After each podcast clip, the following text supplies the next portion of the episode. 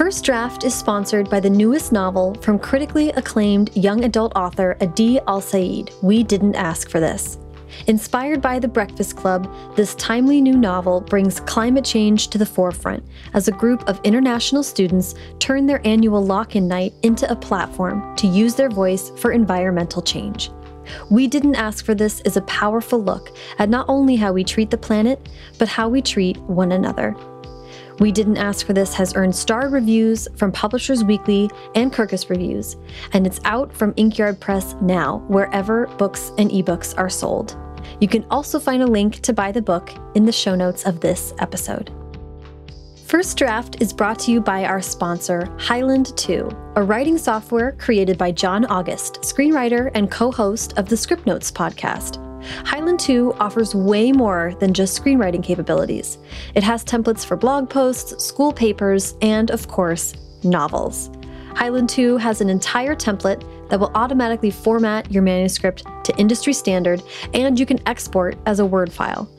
I just finished writing a first draft of a book, and I wrote the entire thing in Highland 2. And here's why I loved it.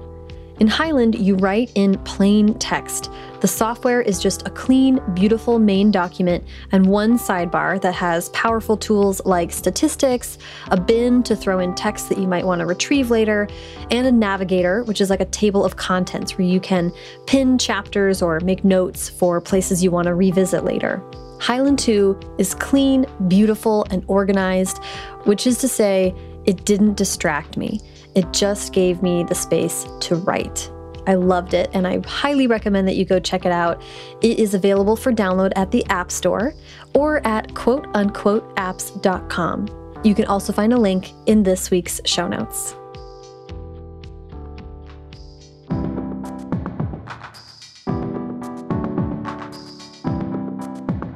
Welcome to First Draft with me, Sarah Enni.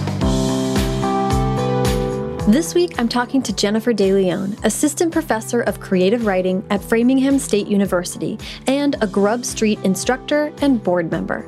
Her debut young adult novel, Don't Ask Me Where I'm From, is out on May 5th. Everything Jennifer and I talk about in today's episode can be found in the show notes.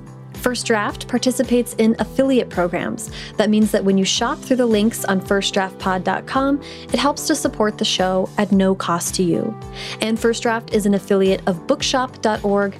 That means that you also are benefiting independent bookstores. If you'd like to donate to First Draft, either on a one-time or monthly basis, simply go to paypal.me slash firstdraftpod.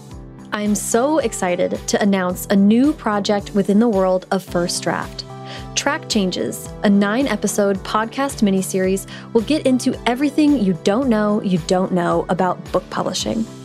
Jen and I talk about it a little bit in this episode, but Track Changes explores the publishing industry by following Jen along her journey of having her debut novel come out into the world.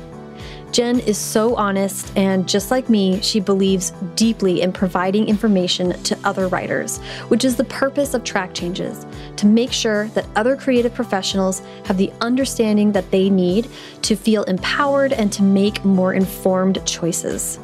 The first episode of Track Changes airs April 16th, and you can find a trailer in the first draft feed right now.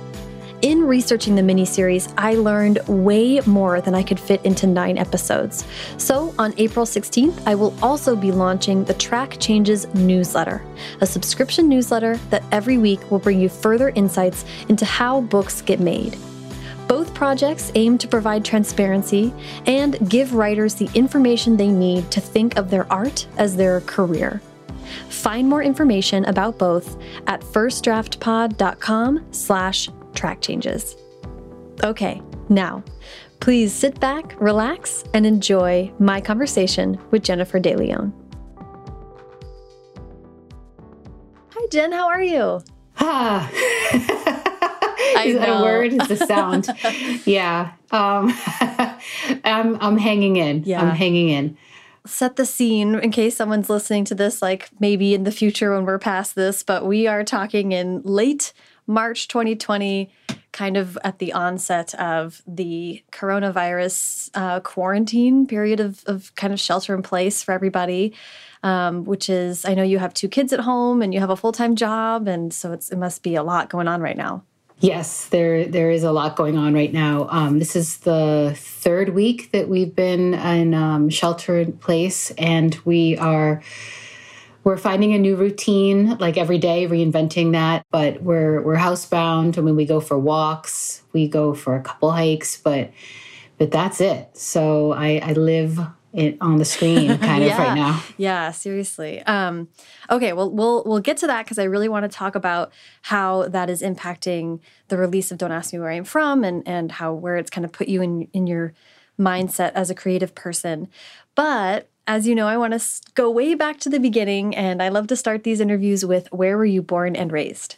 Okay, so I was born in Boston, and um, when I was two years old, my family moved to a suburb of Boston, Framingham, and that's where uh, my sisters and I grew up. I have one older sister and one younger sister. Amazing. And how was reading and writing a part of growing up for you? I would say that reading and writing weren't um, a huge part of my upbringing until like middle school. Um, when I started keeping a journal, like a diary, pretty religiously. He just like wrote in that thing all the time. Uh, really through through my 20s so that was a practice that started like in eighth grade but books were not really something that were in my household like I tell people this all the time, but it's true. It's like we didn't read newspapers, we delivered them.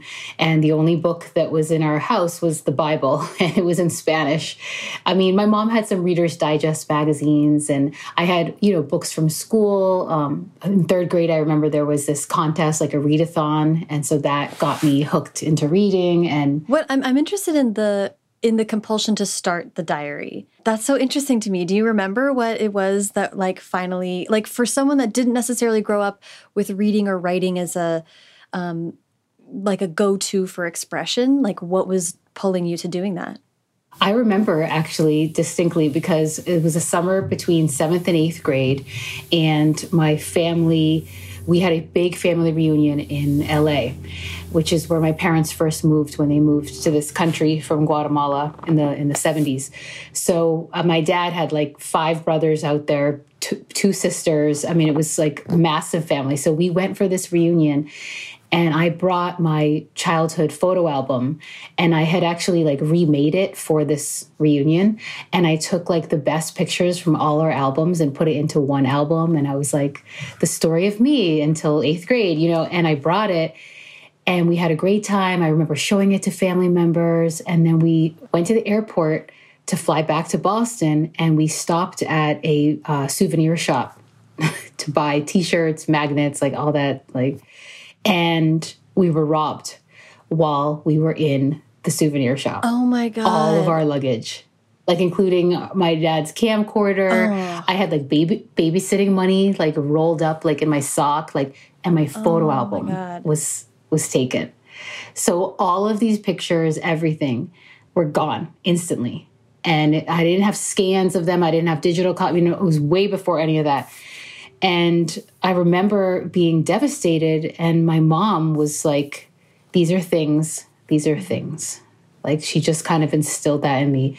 Like we have each other, we have our stories, we have like our future. Like it's all good.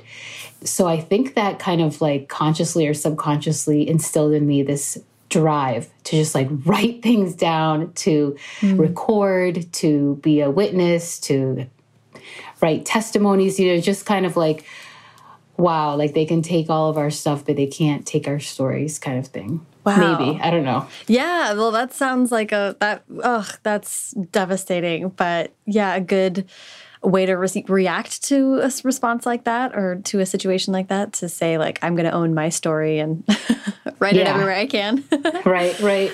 So I want to talk a little bit about um, because "Don't Ask Me Where I'm From," your debut novel is explicitly about a young uh, Central American woman who is going to a, an affluent, white, predominantly white school. So I want to just ask about that experience for you and what that was like growing up in Boston and your high school experience. Yeah. So I. Um, I had a similar experience to the main character, Liliana, in that I felt like I was living in two worlds, but not really fully belonging to either one. I was born in the United States, just like Liliana, you know, and I moved when I was two. So I was living in this um, middle class to affluent suburb, you know, about 25 minutes outside of Boston. And it was diverse by by some measures but it, was still very segregated like the jewish kids hung out with the jewish kids like you know the asian kids hung out with the asian kids like um, and then all the students of color were either in METCO, which is a real program, uh, a desegregation program, or we were looked upon like we were in METCO. Not that it was mm. a hmm. bad thing, but people would be like, your METCO bus is leaving. And I'm like, I'm not in METCO. you know, it's like they would right. just say that because I looked Latina. I mean, I am Latina, so that's what they would assume. Teachers, well meaning teachers, I think, but it was mm. was constantly in between these two worlds. Um, and I went to elementary school, middle school, high school. I was always, um, you know, all of my friends were white. All of my, um, the families of my friends were white. I'd go and have um, sleepovers and just do all this. It was just my, that was my experience. And then on the weekends, I'd go to Jamaica Plain, which is where all my cousins lived. My grandmother, I mean, it was like a totally different world. Like Friday night to Sunday night we were there. We were just like in this other universe. And I felt like I was constantly going back and forth, back and forth. Yeah. That I mean we we have a word for it. It's code switching, right? But I mean it's it's not only just changing how you talk or how you communicate with people, it's sort of putting on this entirely new identity. Yes. Which can be kind of exhausting when you have to flip back and forth all the time. Completely. And I remember actually feeling more comfortable in white spaces and in school and with my friends because mm. that's where I was the majority of the time. Mm-hmm. And I just felt like natural. I don't know. I, I, I didn't really feel like an outsider mm-hmm. in a huge way. I guess it's like you don't know. You're just living your life. You're like, these right. are my friends, you know? Right. And, um, but I do remember like closer I got to middle school, my cousins would start to make fun of me when I talked a certain way. They'd be like, mm. "Oh, white girl," or "gringa," or they'd say like, like if I had a book with me or something, or my journal. Like later on, they'd they'd be like, "Why are you doing homework?" and, like, and then the big thing was when uh, one of my cousins he's like a brother to me he they moved to framingham when I was in middle school. And when he moved, it was like, wait a minute, he's going to go to my school. Like, this is like worlds oh. colliding. I don't know how I'm going to be because I'm in honors classes, like taking French, like mm-hmm. hanging out with my friends. And then with my cousins, it was like slang and like, mm-hmm. yeah, school is stupid. And like, you know, and I just, I didn't know like that. That was stressful for me, kind of. Yeah. Did he end up going to your school? Yeah, but he was so popular, like in within a minute. So then uh, it was great because I was like, oh, I got some cred now, and like that's so yeah. funny. Yeah, that's um, this is not the same thing at all. But the way I'm relating to it is like I'm the kind of person that has like friend groups that I've yeah. kept like separate for a lot of my life, and so my childhood friends versus my friends that I just met when I moved in LA five years ago. I like I have had to really work at becoming okay with integrating everybody mm. because it's like, okay, I need to be just the same person across all of them somehow, or just accept that they're going to know different sides of me and that's okay. Or, but it right. is really stressful. Yep. Yep. Yeah. Um, I really want to get to your journey to taking writing seriously and kind of deciding, especially to, to, to write. I know you still write nonfiction sometimes, but to developing your your voice as a fiction writer. Can you talk to me about your your 20s and your journey to discovering writing? Yes. Oh my goodness. All right. So I wrote in my journal a lot in high school and when I got to college, I didn't have the guts to major in English. I felt like it was just out of my reach. It was like I, I was scared of the mm. Shakespeare and British lit classes and all of that. I did take a creative writing class and it was very pivotal because the professor that I had, this is a quick story that I'll tell you. The professor that I had, one class, she told us, listen, I can recommend somebody for an internship at Ms. Magazine this summer. Right? And so this was like in the fall of that my sophomore year. And i'm thinking like oh that's so cool. I want to do that. And she's like you know it's in new york city.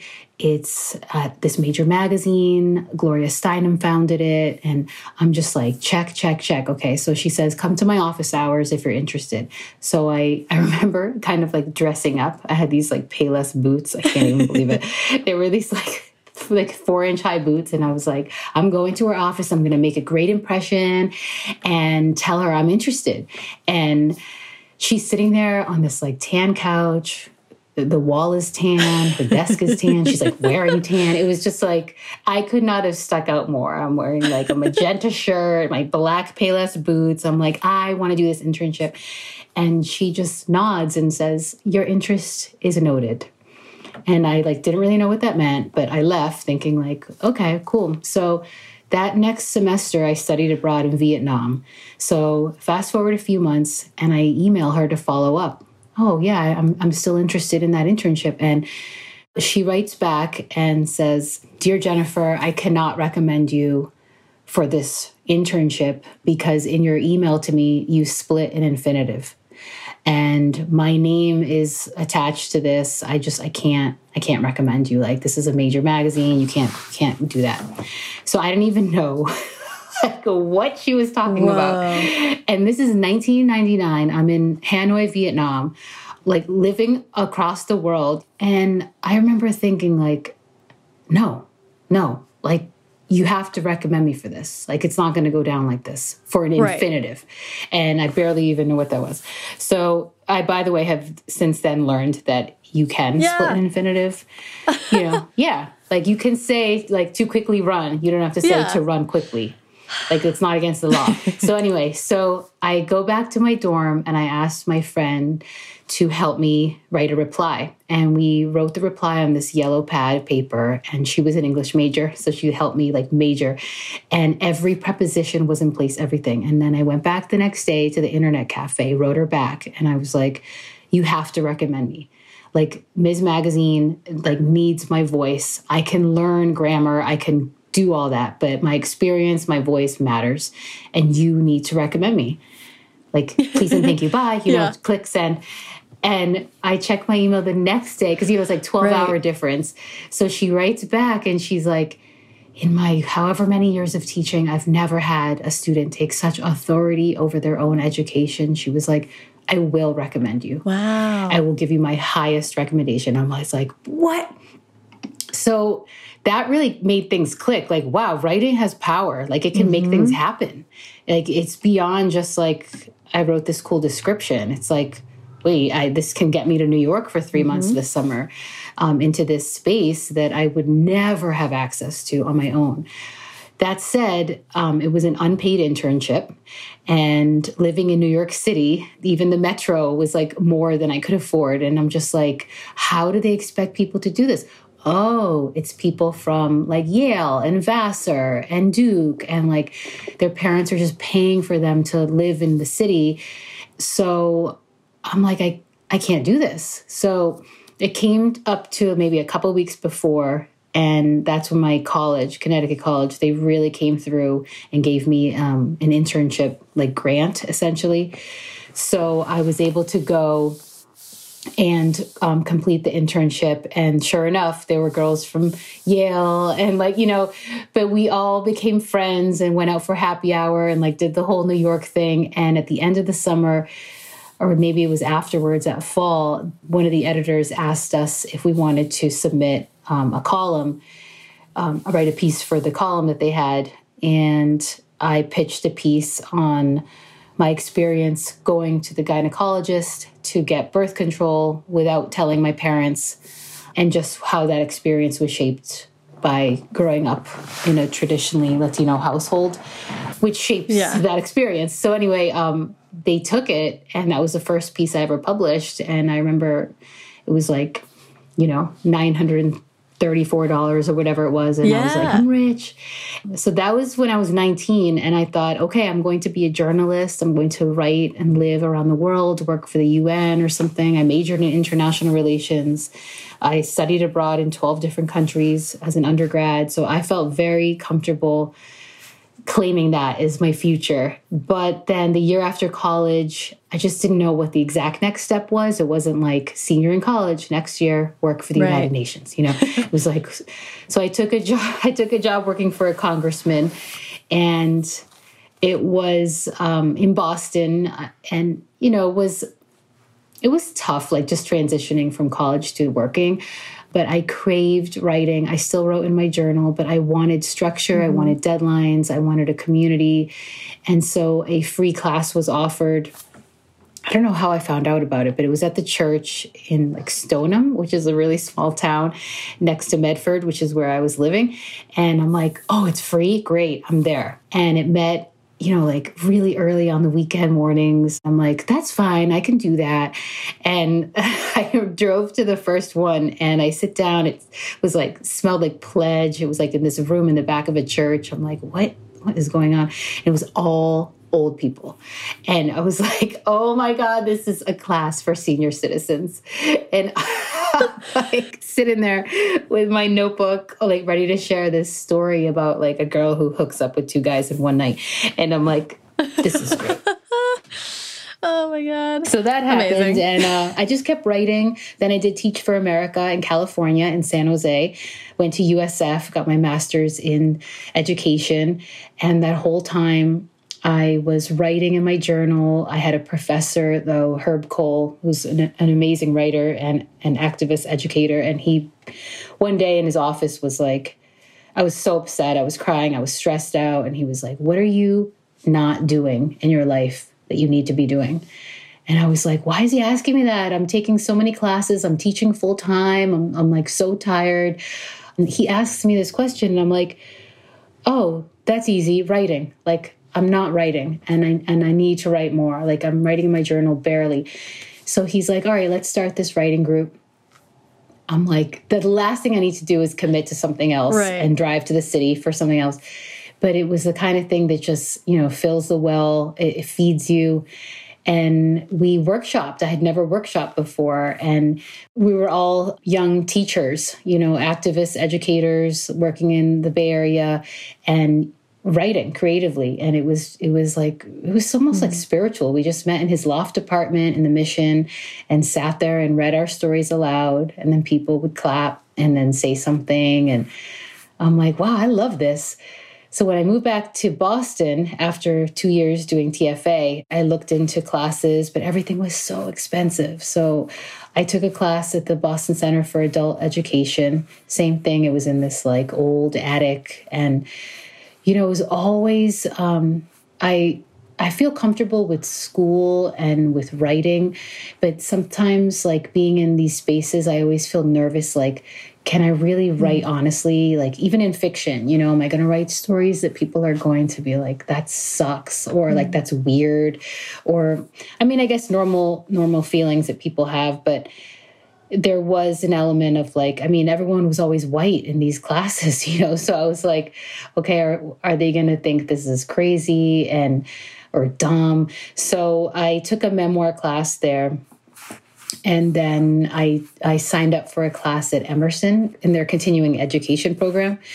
And i remember walking by the office, or I went to drop mm-hmm. off my check. It was $1,500 for a class, right, in continuing ed. And it, w- it was like every Tuesday night for a semester. And I'm like, this is this is how it is. This is what you have to do to be a writer. So I went to drop off my check and I remember talking to the guy at the desk like this is worth it, right? And he was like, he didn't care. You know, he was like, yeah, okay, just give me your check, filled out this form. And I'm like, this is like what my dad makes in a month. Mm-hmm. Like, this is like a lot of money. And he, and this guy is just like, oh, okay. So I give him the check and then I take the class, same thing. It's like everyone's white, the the professor's white. He was so great though, Ben Brooks. He just I owe him so much. And so he starts leading the class and the whole maybe first few weeks i'm just like when is the deadline for me to be able to mm-hmm. drop mm-hmm. the class and still get mm-hmm. half my money back like i kept making all these like excuses kind of and it just felt like I don't know. It, is this worth it? It's so expensive. Like, I didn't tell anybody I spent that much money on it. And then one night I'm like, all right, I'm going to drop the class. I just, I decided. So I go to um, get some food before class at this Vietnamese place, and I walk in, and Ben is sitting there in a booth. And I'm like, oh, God, like, uh, you know, it's always awkward seeing like your professor. And um, so, and I am a professor now, which is so funny. But, but so I felt like I was like letting him down. And he's like, hey, how's the class? And, and I'm like, oh, yeah, it's okay. And I'm like, in my head, I'm like, I'm quitting tonight, you know? So I get my, my food and I'm about to leave. And he was like, hey, and I'm like, yes, you know, and he says, um, you know, you have, you have a talent for it. He's like, I think you should stick with it. And I just felt like, oh my God, it's a sign. you know, like he didn't even know I was going to quit and he said it. And maybe he says that to everybody, but I felt like it's what I needed to hear. So I stuck with that class. And then it led to me finding out about GrubStreet. I Googled writing Boston and GrubStreet, and they were much more affordable than than the Emerson classes. And I wasn't, you know, I didn't need credits, and that was the Emerson class mm-hmm. was giving you credits. So GrubStreet, I joined in 2006 and I have never looked back. Oh my God, that's 14 years ago.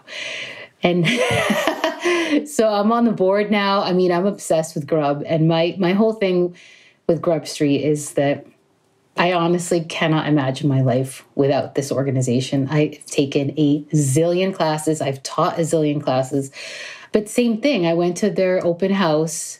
I, rode the elevator up, and I get it.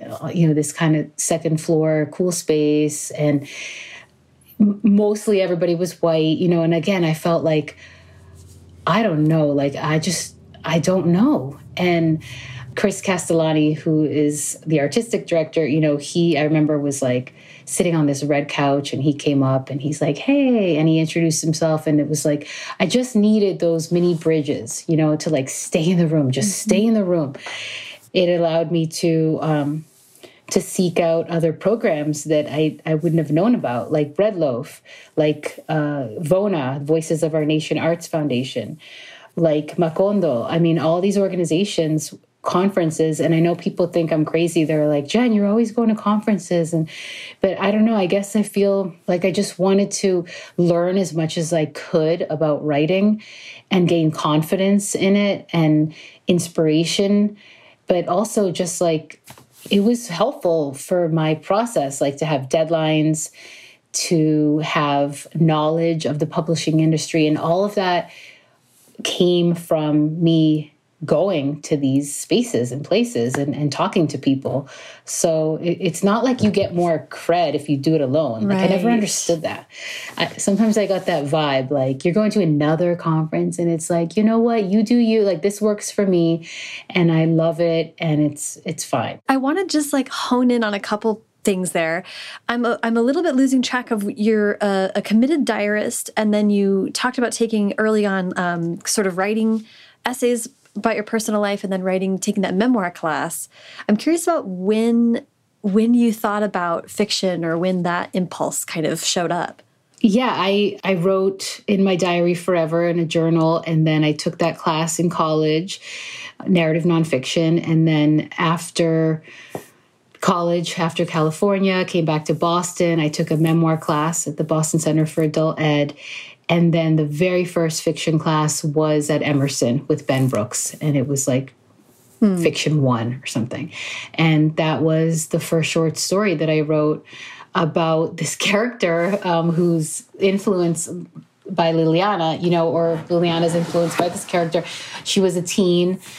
And I remember writing this story and getting feedback. And then I brought that story to Vona um, when I studied with Junot Diaz and we workshopped that piece and then i brought that story to the vermont studio center and you know i just like brought that story with me to different places and that's a story i submitted when i applied to an mfa program and I felt like with fiction, that's what my MFA is in, in fiction. I felt like I was allowed to be a little bit more truthful mm. in some ways. Like, and I just, I felt like, okay, I can start with something true and then use all of these different elements almost like they're they're options like on my palette and I can like dip in here I can do a little bit of this do a little bit of that and it it just, I felt comfortable mm-hmm. in fiction. I also, but I love nonfiction too. You know, it's not like, I, I never want to have to choose, yeah. but I felt like I could, I could say a lot in fiction and, um, and use different craft elements to to spin stories. It's really interesting to hear you say that you felt like you could be more honest in fiction. I mean, that's I think a lot of us can kind of relate to that, but I'm I'm also and tell me if this is wrong, but I'm in my perception of your story kind of connecting it to there might have been some hesitancy to tell your own story because you were in these like super predominantly white spaces. And I wonder if maybe the some of the pressure was off when it, you were presenting something that was fiction as opposed to being like this is me and my story. Yes yes. I remember um, so a couple of things come to mind. I remember having instructors say maybe it was ben brooks who said this but he basically was like in fiction you can't ask the author like did this really happen like right. it's not allowed that's not okay and i love that he said that because it just took the pressure off. Like this could be 100% autobiographical, first person narrator fiction, but mm-hmm. you don't know. And so that I felt like, all right, I, I, I could I could do that. Ironically though, and this was even in Adam's classes, I remember at GrubStreet, the first like 10 stories I wrote, maybe like first five or six, they were really cliche and really, you know, kind of mm. safe and very just not that complicated. Like I remember it was like stories of like a little girl stealing something at the supermarket and her mother finding out at the register, like things like that or like a little girl who really wanted a cabbage patch doll but her mother couldn't afford it. You know, a lot of these, these things mm. happened to me and I started to to play in fiction like what would this be like if this were fictionalized but it, it i needed to really kind of take mm. big leaps to be able to free myself so change something big like the mm-hmm. gender or the time period um, but the more i read um, i would say I've, i have read more in the 2nd mm. half of my life than like all my previous lives combined because like i just press the gas on reading like never before, just devouring books. And I really think that influenced my writing, just like the comfort in being able to to go off on tangents or to describe something or to dip into mm. someone's memory or have them have a dream or it just feels mm. so fluid mm-hmm. but it i think like Junot Diaz i remember in in his workshop there was a lot of crying i mean he made us cry no but it was like out of such love you know and respect because vona is all writers of color so it was like polar opposite of every experience i'd ever had and to be dropped into that you know i was like i mean in my class in my first class i remember like Tiphanie Yanique was in there um, um, of course, now I'm blanking on everybody. Uh, Charlene Chang was in there,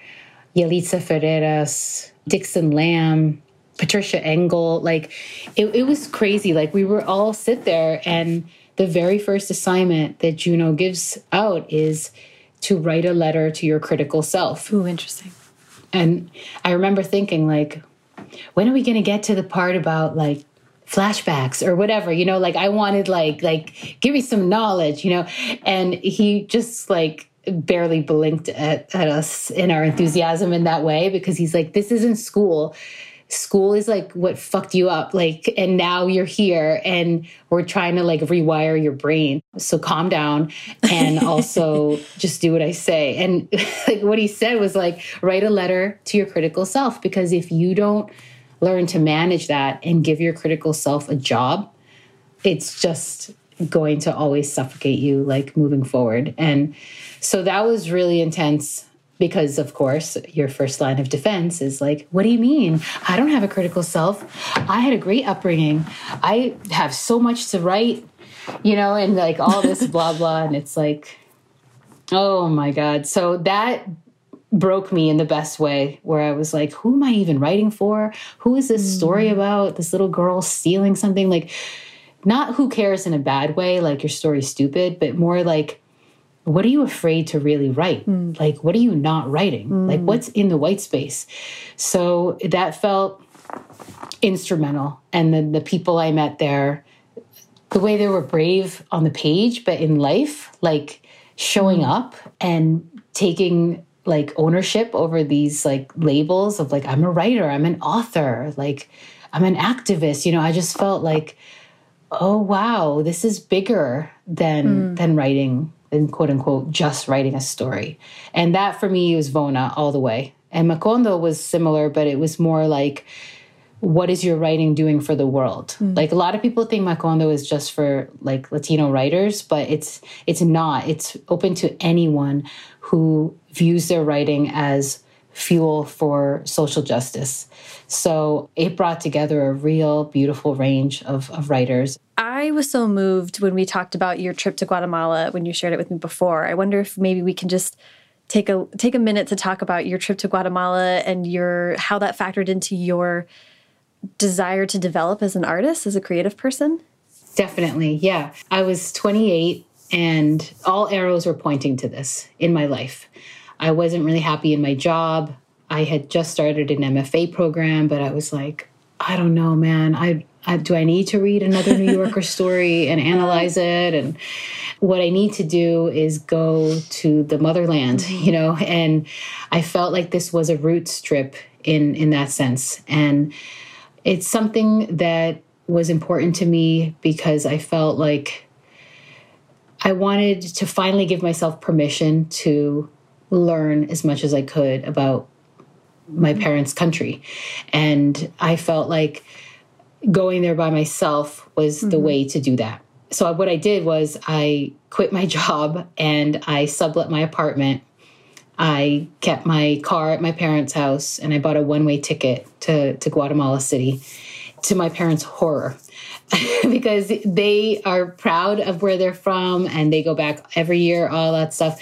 But they did mm. not see this coming which I find ironic because my whole life they pushed college, they pushed graduate school, they pushed travel, they pushed, you know, buy your own condominium, um, have your own savings, own your own car, you know, all these kinds of things. And then all of a sudden it's like, well, you're 28, so maybe, you know, you could get married and have kids. And it's like, uh-uh.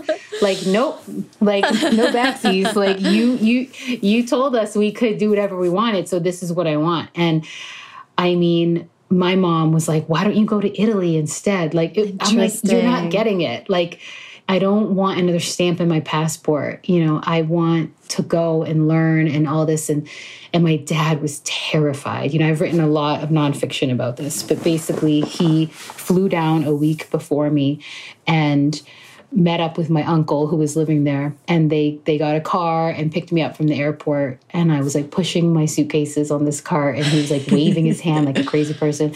Like like I'm thinking like what are you going to do after you leave? You know I'm right. staying here right? And you can't protect me like but I thought it was sweet and that week we went around and met um, we said hello to different relatives in the capital. And then we rented a car and drove four hours west to the western highlands which is where i was going to be living in this city called quetzaltenango. And that's where i was going to be studying spanish at a language school that, where the teachers are mostly um, ex um, guerrilleros and guerrilleras. So they were in the war, and now this is a job that they can have, which is teaching English mm-hmm. to foreigners, which is interesting because I was a foreigner, but not really. And people were really confused because they were like, you look Guatemalan, but you definitely look American. You talk like a white girl, like a like you speak Spanish, but it's kind of like not that good. and, you know, they were like, and your parents are Guatemalan. Like, what are you doing here? Like, where are your parents? Like, they were so confused. And I was like, I know, I get it. It's weird. But then my dad, that whole week that we spent together, I learned so much about his life, about my parents' lives, about this, just our whole history.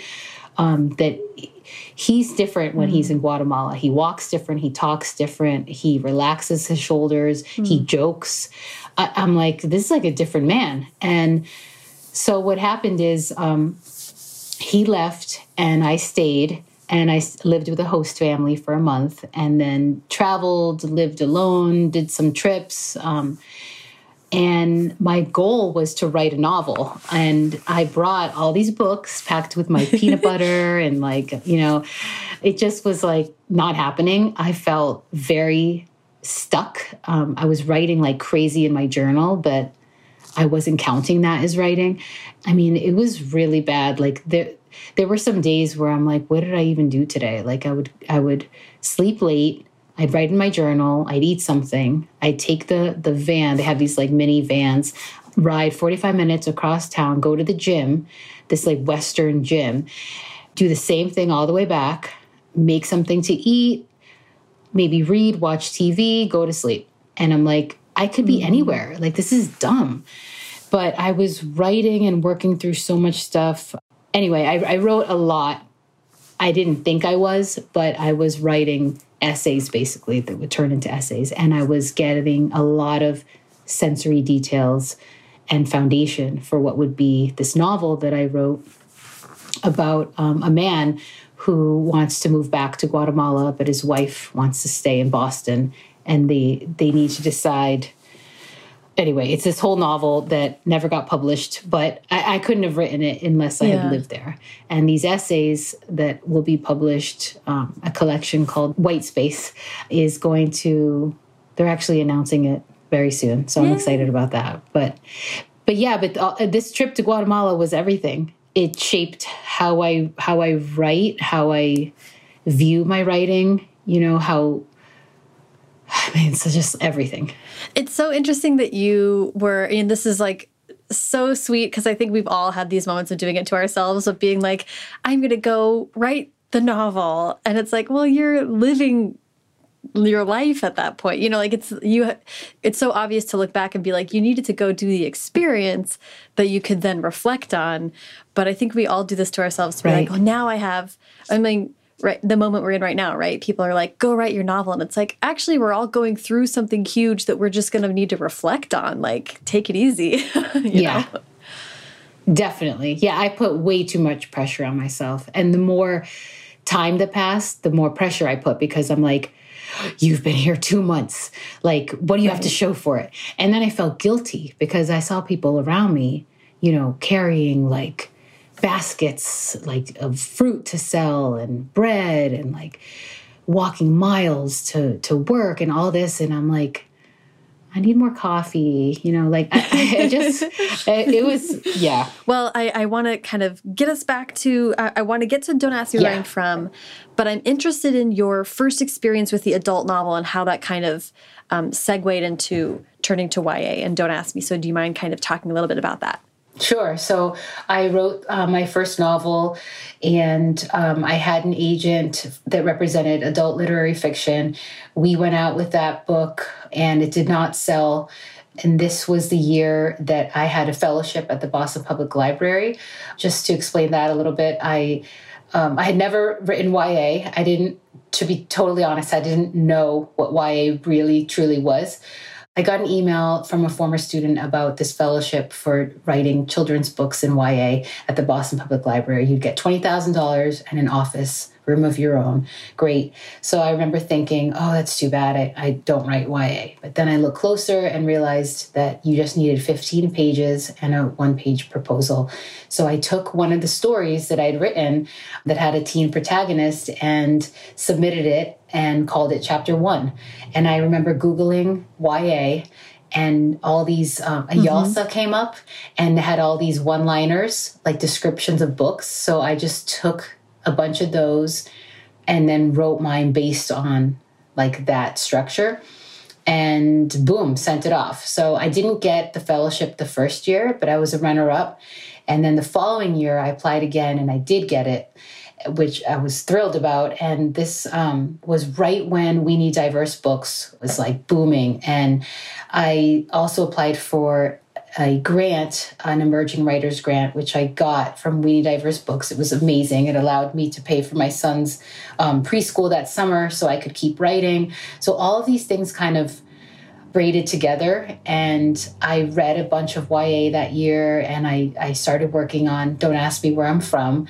And I changed agents because I was learning a lot. And one of the things I learned was you really want an agent who specializes in YA or, or mm-hmm. gets that world because it is a different world, you know, and I mean, writing is is writing in the sense that like there's obviously mm-hmm. still setting and dialogue and stakes and all of that technical stuff, but there are different elements. So I I switched agents and I started working with Faye Bender, who's amazing, and she and I came up with a plan. Um, she had me do a, a light revision on the manuscript. We waited for the holidays to end, and we sent it out in January 2018. Amazing. I want to ask a little bit about um, about writing the story, and then I definitely want to hear about about selling it and kind of getting getting into it. But I'm so interested in so so don't ask me where I'm from. How similar or dissimilar is it to that short story that you are workshopping many times? Um, you said that you made it chapter one, but what was it like to sort of then look at this short story from that whole new viewpoint? I had a, a, the short story with a 14 year old protagonist, and like I said, I put her in a couple different stories, scenarios, but it was this mainly this one story. And so I called it chapter one. But once I got the fellowship, I spent the first three months actually just reading mm. like crazy. And and there I definitely um, got a sense of some of the common denominators of at least contemporary realistic mm. YA. Um, and so I felt like I got my footing a little bit in that world. And then I started writing and I wrote this same character, putting her in different scenarios because I needed a novel, not a short story. And so I was like, okay, what is the scope here? What's what's the story? I researched mm-hmm. METCO like crazy. I don't know when that came up, but I knew I wanted her to be in METCO and to have her be sort of literally and and emotionally traveling mm-hmm. between two worlds on mm-hmm. the daily, you know, and making all those choices. And I knew I needed a climax. So, like, I didn't have things figured out, but I was just like writing my way into them. But at this point, it was third person, close, past tense, but it was um, set in the 90s. Oh. And I, I went to the Kweli conference the Color of Children's Literature Conference that April, which was incredible. Um, but one of the things that I learned there was that writing realistic fiction in the 90s is considered historical fiction. which I thought was insane. But the editor that I met with was like, that's when you, the teens now, that's when their parents were teens. They don't want to read about them having their first kisses and all that stuff. And I was like, oh, yeah. But so it, I was devastated because this is April of my residency that mm. ended in June. And I was like, what am I going to do? So I went back and it was kind of a rock bottom moment because I was like, here's this like big time editor telling me like, mm. no. Right. And I was like, what, what am I going to do? Like I've been working on this. But then I thought, you know what? I'm just going to try to write first person from Liliana if she were like mm-hmm. right now mm-hmm. talking. And I what I heard in my mind, what I heard was my students, because I was teaching middle school and high school, but mostly middle school for the last 10 years. And I was like in. Boston Public and I heard her voice so clearly. And it really is like she cleared her throat and was like, give me the mic. and it was like crazy because I never really had that experience before where it was like my fingers are like moving on the keyboard and she's just like, and another thing, my jeans are tight. Well, so what? you know, like it was like she just had so much attitude. And I just heard these students like, oh my God, my girls, like they were just like so like full of life and attitude and drama and confusion and ambition and and I felt like all right all right, here we yeah. here we are. So I switched the whole thing and made it contemporary, first person. What was that? I'm because by this point you're talking about this is like uh, two or three years ago at this point, kind of breaking through, mm -hmm. and you'd been writing for many many years until then. But this is a whole new feeling. What was that like? How did you think about that? You know, it felt like um, really joyful. Like it didn't feel like pained as much. Like I'm carving this sentence. Right. You know, I think adult literary fiction can be a little stressful in that way. Like there's a lot more anxiety, a lot more splitting um, your infinitive stress. yes, exactly. No wonder I have such like pressure like yeah. in that world. Like somebody's on my shoulder being like, "You sure about that?" So, but with YA, it was like this was something that I felt like nobody could tell me that I was I was getting this wrong mm-hmm. when it came to her voice. Mm-hmm. Other stuff, a thousand percent.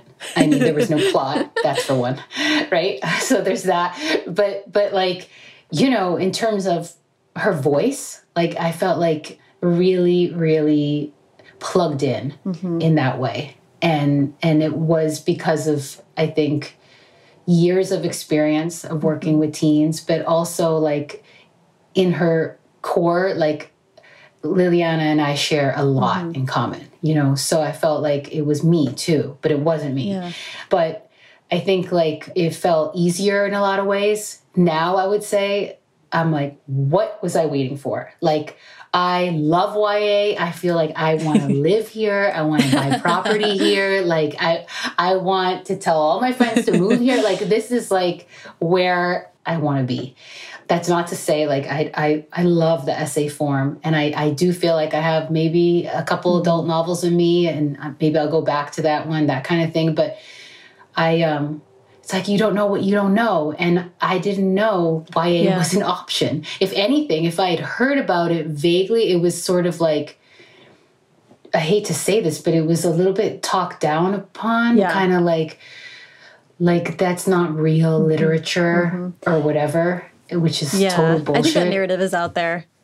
And hopefully it's fading, but especially when it was like when YA was dominated by Twilight and whatever, I think people were quick to kind of dismiss it. Right. But my like spirit age is like between 11 and 15. So I feel like it makes sense that I'm in YA. And now even my husband is like, it makes total sense that you write YA because like you are YA, like like just how I am with our family and our kids and the way I mm-hmm. teach, like it's it's just very much in that world. Um, but it still was intimidating. I mean, here I was like, you know, kind of coming from the adult literary fiction world. I had these publications that I had worked so mm-hmm. hard to get in these journals that most of the world has never heard of. And I'm coming at this like kind of a, mm-hmm. a newbie. And there are these big players, and I'm like, I, I just felt like there was so much mm-hmm. to know all right. over again. Um, okay, I want to talk about the the publishing journey, getting to selling. Don't ask me where I'm from, and then I want to talk specifically about the book a little bit, and then we'll talk about this new phase of your publishing journey. um, so, because you did have like a pretty, pretty cool, dreamy uh, sell sale experience with Faye. Um, I'd love to whatever extent you can can or want to share about that, how it went down. Okay, so I, I feel really grateful about the experience. I did not expect it. Like I said, I did not sell my first novel, so I was coming at this from like mm-hmm. can only go up, you know, and so I had Faye in my corner big time, and we went out with a book like January 2nd or something, 2018. And she shared the list of editors that she sent it to, which was really exciting. And a few days into January, she sent me some emails that started coming in, people, editors saying, like, oh, I just want you to know I'm reading, I'm loving what I'm reading, I'm going to share this with people in my office, that kind of thing. So the next couple weeks were a total like crazy, awesome blur of just excitement and frenzy because editors started you know showing interest and they started sharing the manuscript with people at their houses. And then i started getting on the phone with editors. So that that period those that two week period i talked to 10 editors on the phone and a couple of mm-hmm. film agents. And every conversation was incredible. You know i felt like everybody was coming at this from a space of like we really want to honor your story and publish the hell out of this book and put marketing behind it. Like it felt like like a dream come true. And the other thing that was happening in my life at this point is that it's such a long story, but I'll just tell you really fast that we so we at this point we had um, one son mateo who is downstairs in my house right now but he is he's six and a half. So at the time he was three and a half right? or four? Okay. Yeah. 2018 four. Yeah. he was four. Yeah I'm like he's older 2018 he's four oh my god. We had been trying for a second baby for some time and we're really struggling with that. And it was just something we were really private about because it sucked. And you know like when you're in it it's it's hard to know how to be. But so we felt like we had tried different things and we're at the end of that journey. And we said okay this is what our family looks like. We're going to move on and then literally that month i'm like this this is so weird like the week before new year's i took a pregnancy test and i'm like oh my God, I'm pregnant. And I mean, I just couldn't believe it. Wow. And we had been through, we had been through hell and back, like in multiple ways, multiple times, just like treatments, different things. And we had closed that chapter. And then this happens. And I'm like, I can't wow. even right now. Like, I can't tell anybody anything. And so I'm holding this in and talking to editors and then going to like an appointment and then freaking out and then having a call and then like oh, throwing oh, up man. and then like it was like it was crazy and then we had an auction and Faye did an incredible job just like balancing all of that and I was pinching myself because I I got to work with Caitlyn Dlouhy from Atheneum at Simon and Schuster. And you know she she works with so many of the greats like Jason Reynolds you know like it's just like what? And she is accomplished as she is. Like she she was not I felt like she is something in the sound of her voice in that conversation. Like she she was on my side like she's like we're gonna we're gonna work this together and you are going to drive it you know like you everything is going to be um, not drive it, but it was more like she was like, we're not going to do anything that mm you're not okay with. Like that's just like not even a question. And and I love that she started off like that. What is really wonderful about it is you got to have this like incredible talking to 10 people, having, you know, having Faye in your corner, kind of guiding you through it, all this stuff. But you also knew how unusual and one in a million that kind of was. So, I mean, how were you kind of thinking about it as this was going on? It's easy to get wrapped up in something that's happening, but you, through many years of being a professional in this space, sort of have some context for what was going on. So, how were you kind of trying to stay sane while this was going on? Yeah, I know. Trying to stay sane. Oh my God. I mean, it, it was the exact opposite experience right. that I had before, where it was like ra radio silence from editors and like you're checking your email every five minutes. And this was like on the phone, like long mm -hmm. conversations, like with with editors and which is very emotional and and you're like you're trying to be there like with your brain but your heart's beating and you're just like trying to take notes but then you're also like oh my god i'm talking to this editor right now you know it just was nuts and I was helped by the fact that my writing group, um, people had been through some similar experiences. So I remember like calling my friend Whitney in between and being like, what is happening? And she was like, just take notes, just keep taking notes because like you can't think and yeah, like process. Like, so just you go back to the notes, write everything down. And I'm like, okay. And then I would like go back into the next call. And um, so that was great. And then Faye walked me through the different steps, you know, and she was like, "Don't, don't promise away your next five books, you know, because like I get, I get excited, and I'm like, you're my new best friend, you know." And she's like, "Yeah, you have five more calls." I'm like, "Oh, okay." Um, I just that's just how I am. So anyway, she was she was really good about like kind of reining me in a little yeah, bit. Yeah, I love that. And it's always, you know, that's what agents are for, right? So let's talk about the book. Uh, finally, I thank you for for walking through so much other stuff with me. But um, but before we get into the details of it, do you mind just uh, you've talked a little bit about what's in the book, but do you mind just pitching? Don't ask me where I'm from for us. Don't Ask Me Where I'm From tells the story of Liliana Cruz, who is 15 and she is living in Jamaica Plain, which is um, a neighborhood in Boston. And she's trying to fit in at her new school as part of this METCO program, which is a desegregation program. So every day she takes the bus, like an hour outside of Boston to this suburb, and goes to school there and comes back. So she's trying to fit in, and all the while, she's holding this secret in about her father, which is that he has been deported. And up until now, she didn't even realize that her parents were undocumented. So it kind of cracks open her world.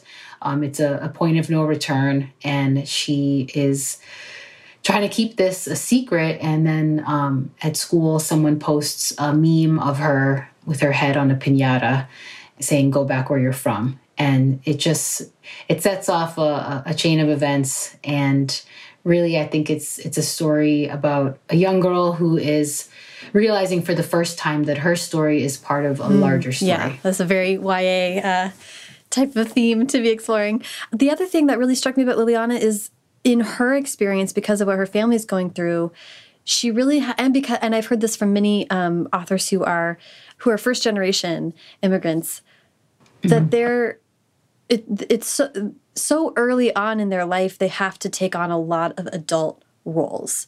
And in some cases like they just have to be the parent and teach their parent how things are done or tell them like no i have to do this certain thing or learn how the school system works and how college works and stuff like that. So mm -hmm and you really portray that beautifully i think in the book that tension of wanting to be the kid but needing to be the parent. Like how did you think about that? Was that mm. reflective of your experience or?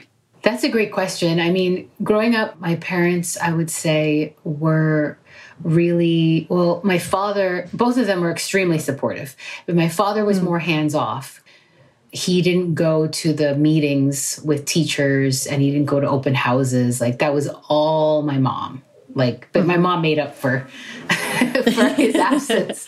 Like she she was like up in the schools like big time. And um and people knew her and like she the secretaries and like oh my god. So in that way she was super involved but when it came to like picking classes and tracking and honors and you know should i take a fourth year of french or an mm-hmm. elective you know like i never talked to her about that kind of thing and then when i applied to college like i did all the applications and financial aid forms with, with the help mm-hmm. of counselors and different um, mentors but i remember kind of especially for my dad, he would leave for work um, really early. He worked at a painting factory, and I would leave like the post its with arrows and be like, just sign here. And he would. He would just like put a signature. And so I got through in that way.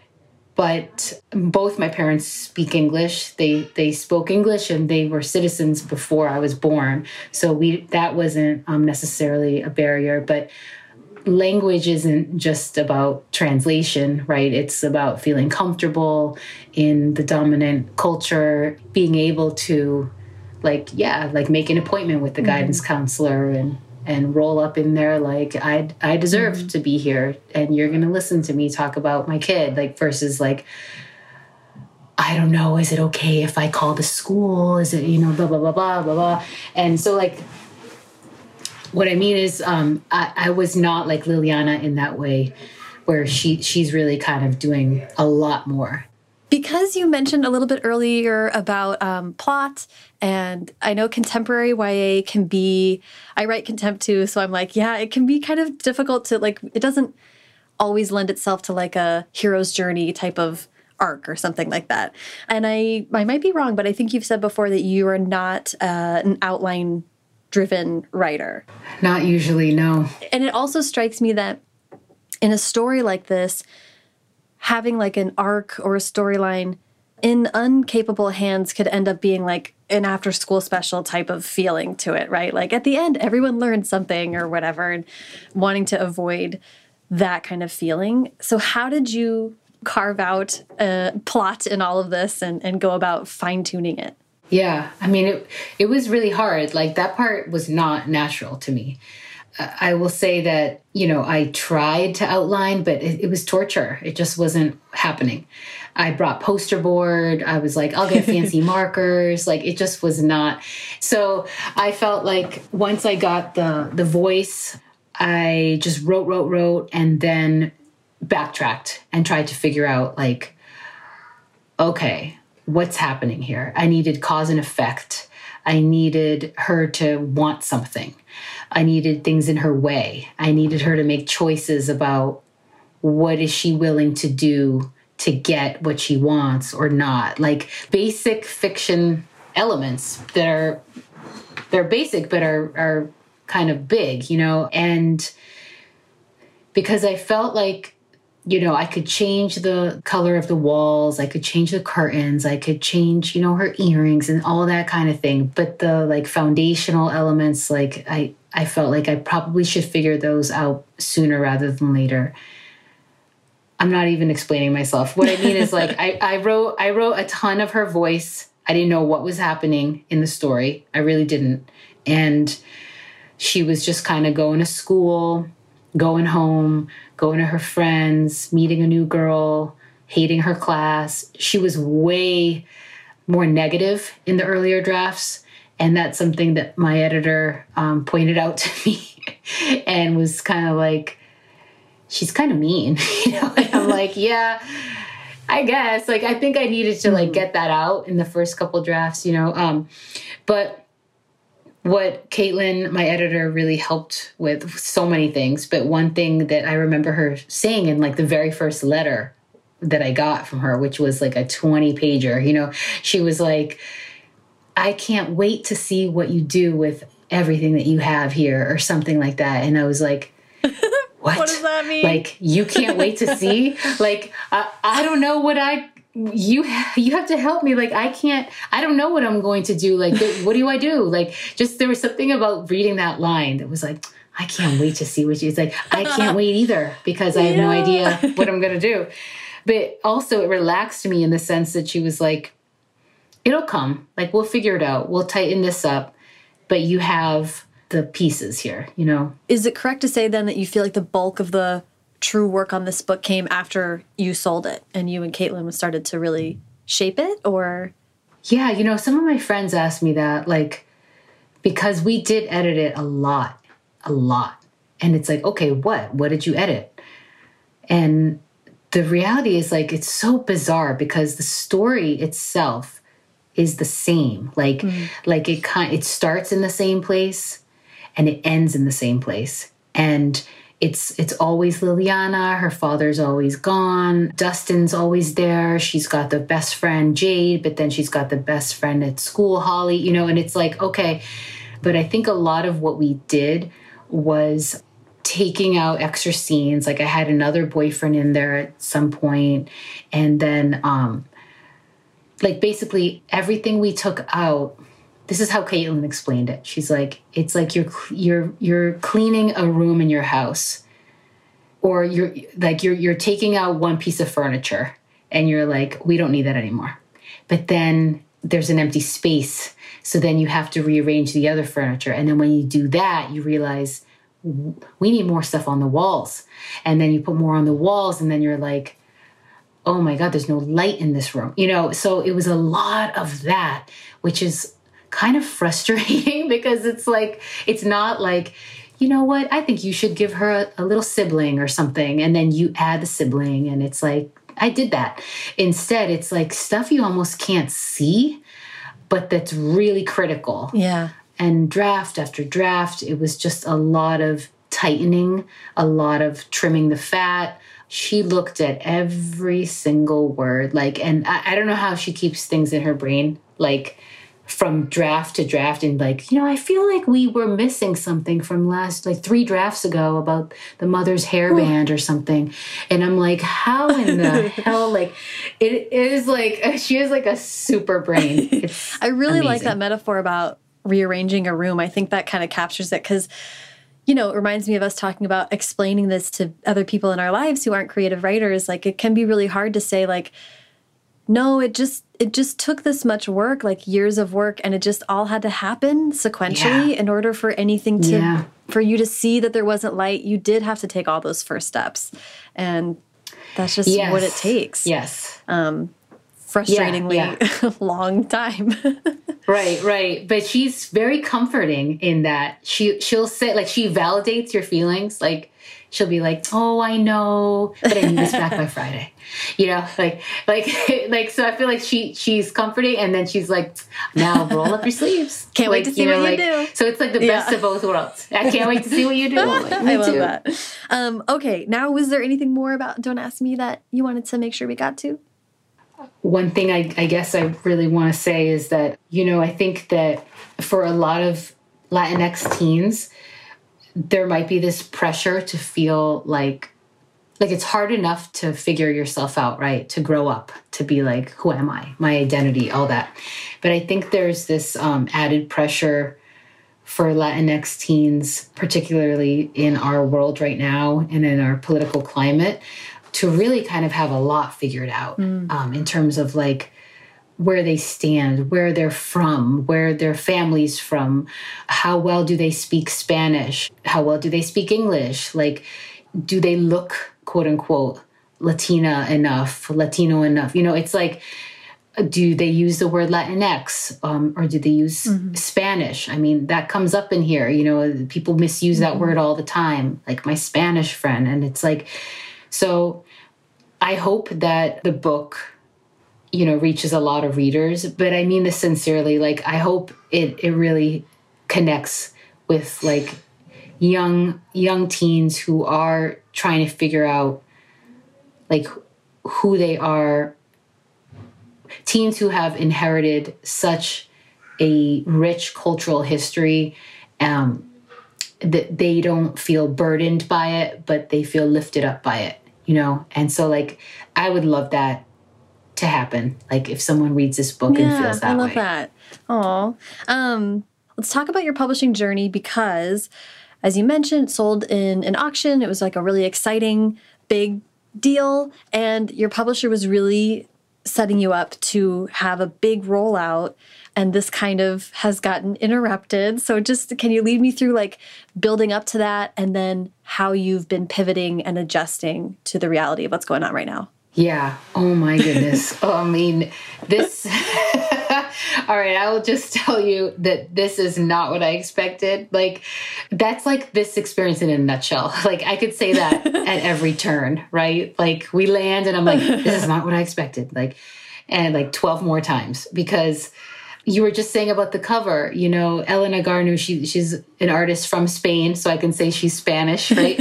um, did a beautiful job. And like once I saw that cover, I was like, okay like they are behind this i mean they they commissioned an artist to to do the sketches and everything and like they really thought about everything down to whether to give her hoop earrings or not first they gave her um moons and for the feedback I was like, I just have one piece of feedback. Could they be gold hoops? and Caitlyn was like dying because she's like, Jen, we had like two whole meetings about this. Like, we don't want to like have cultural appropriation and like all this stuff. And I'm like, the fact that you guys are even thinking about that and meeting about this, like, is amazing. But okay, so yeah, can she get gold hoops?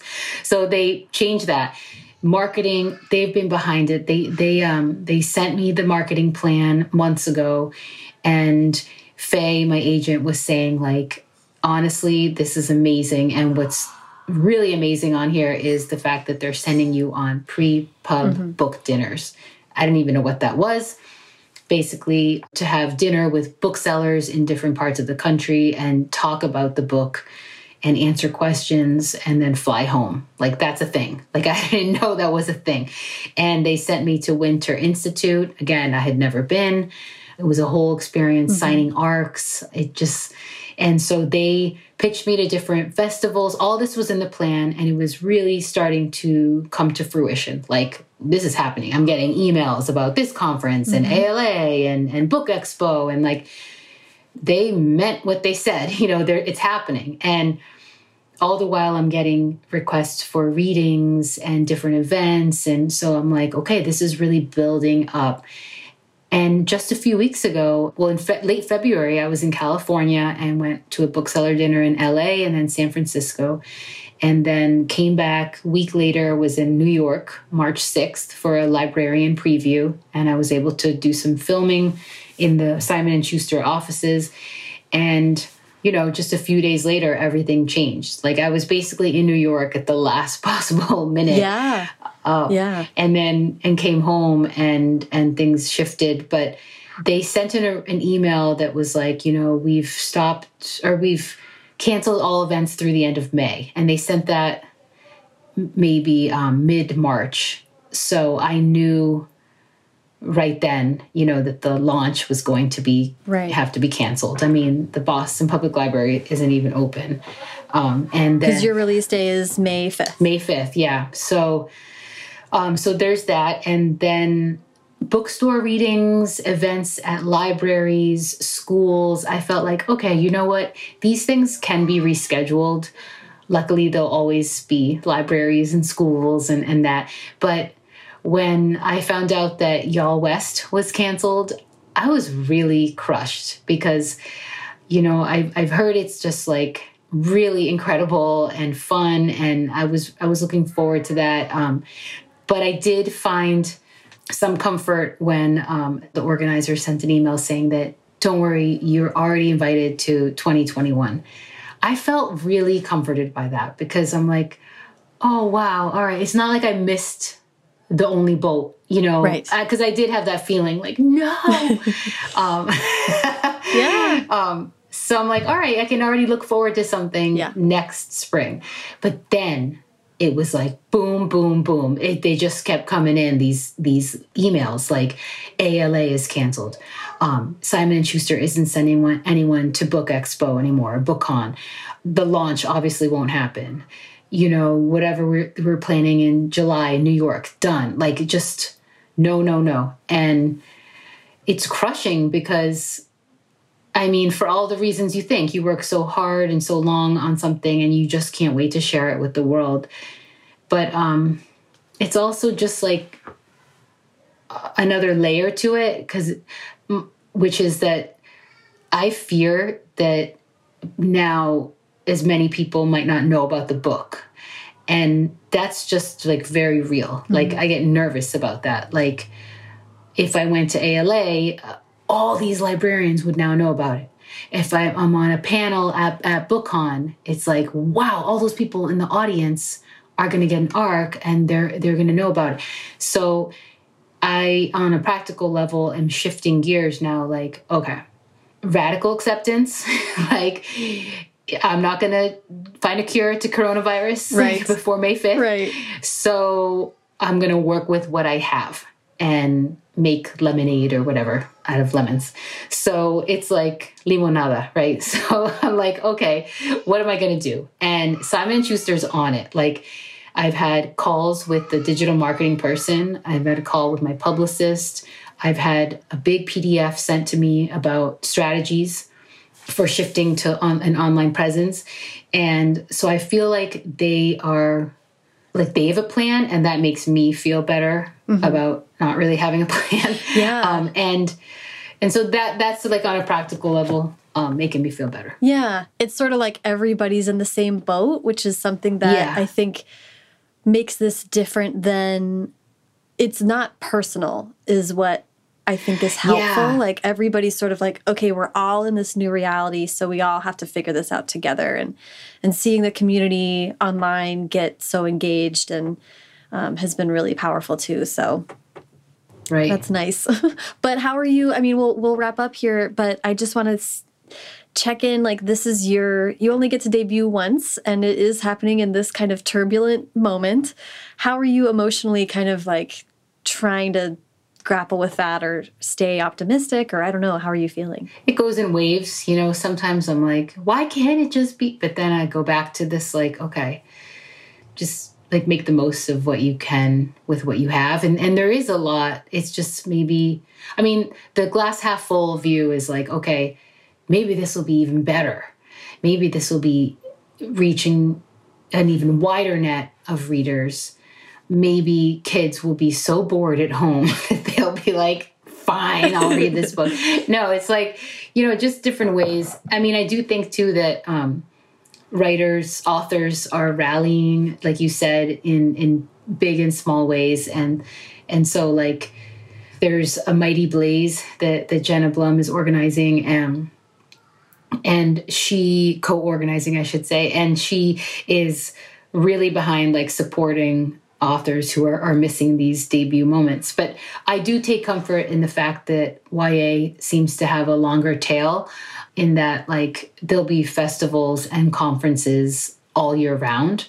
So it's not like I'm missing all the boats. I don't even know if that makes sense. Yeah. But you know what I mean? And school visits are perennial, right? Like right. there's always going to be people Liliana's age who are an appropriate audience to talk about this book to and schools always want to bring people in to talk to their kids. So there is some like comfort to fall back on with that and kids librarians are going to you know the librarian the kids age but the librarians stay the same you know so once they know. Right right right right. Yeah. yeah that's cool that's cool. Yeah. I love that. Um Oh my gosh. Okay, you've been so gracious with your time today. I, I so appreciate it. And I'm going to wrap up with advice, but I do just want to let everyone know that the reason you and I have been talking before we even did this interview is because you are one of the pivotal characters in the Track Changes mini series that's going to debut just a couple days after this podcast comes out. So everybody should go listen to Track Changes and learn a lot about the publishing process and a lot more about Jen's process um, and what she's gone through. And um, we're going to get into all the nitty gritty of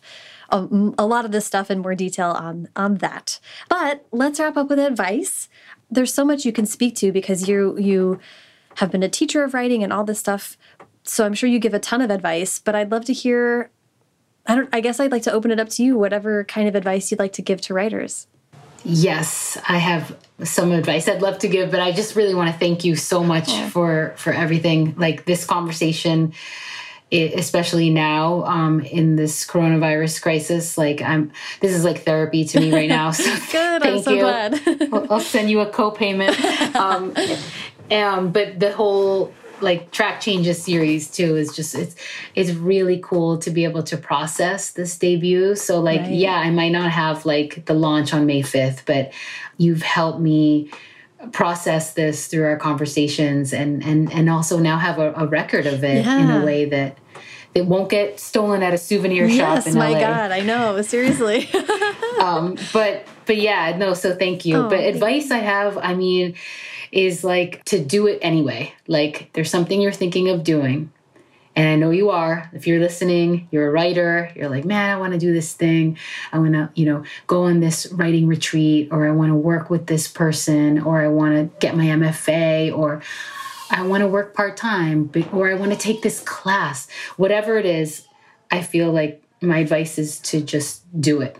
Listen to me right now. Just do it. Do it anyway, because the doubt that we have sometimes makes it feel like hazy like like it means don't do it. But but no like you can you can still have doubt. And that does that doesn't mean that it's the wrong decision. Like i feel like one thing i've learned is to yeah like do the thing like do the thing anyway because over time it gets easier to put that doubt like on mute mm. or lower the volume or just like have other things be louder so that you're like, I can't hear you, doubt. Like, nope. And I think that makes you feel more than willing to do something else and something else. And that's the part that we can control. Yeah, I love that. That's that's really excellent advice. I love uh, directly addressing the listener. Just go do it. uh, Jen, it's a pleasure as always to talk to you. I'm so thrilled we got to sit down and do this, and I'm so excited for Don't Ask Me Where I'm From to be in the world. And one day we'll meet in person. I I swear. right. I know. Yeah. Um, I can't wait. I know. Thank you so much, Jen. This has been so fun. Yes. Thank you. Thanks. Thank you for all that you do. Yes. Talk to you later. All right. Bye. Talk to you later. Bye. Thank you so much to Jen. Follow her on Twitter at JDeLeonWriter and Instagram at DayLajen. And follow me on both at Sarah Enni and the show at First Draft Pod. This show was brought to you by Highland 2, the writing software that won't break the bank or your brain, available at the App Store and at quoteunquoteapps.com. And by We Didn't Ask for This, the newest novel by Adi Alsaid, out from Inkyard Press now. A quick and easy way you can support First Draft is by subscribing to the podcast wherever you're listening right now and leaving a rating or review on Apple Podcasts. Leaving a rating or review there only takes a couple minutes, it's very easy, and it has a truly outsized impact on who sees the show and what new listeners get the chance to, uh, to click and dive in. I'm going to read a recent five star review. This was left by S.L. Dubeck. S.L. Dubeck says First Draft is a phenomenal resource for writers, or those who want to peek behind the curtain of the publishing industry, or anyone who wants to hear more from their favorite authors. I listen to many writing based podcasts, and Sarah's interview skills truly some of the best out there. She builds warm rapport with her guests and has well researched and thoughtful questions. This podcast always leaves me feeling inspired. Thank you so much, SL. That's really touching and I don't know. Thank you for the compliment and for your kind words about the show. Also, thank you, thank you, thank you for taking the time to go leave that review. It really matters. Finally, if you have any writing or creativity questions that a future guest and I can answer in an upcoming mailbag episode, I would so love to hear that. You can call and leave your question at the First Draft voicemail box. That's at 818 533 1998 or you can record yourself asking the question and email that to me at mailbag at firstdraftpod.com. Haley Hirschman produces First Draft, and today's episode was produced and sound designed by Callie Wright. The theme music is by Dan Bailey, and the logo was designed by Colin Keith. Thanks also to transcriptionist at large Julie Anderson, and as ever, thanks to you, spiritual tweens, for listening.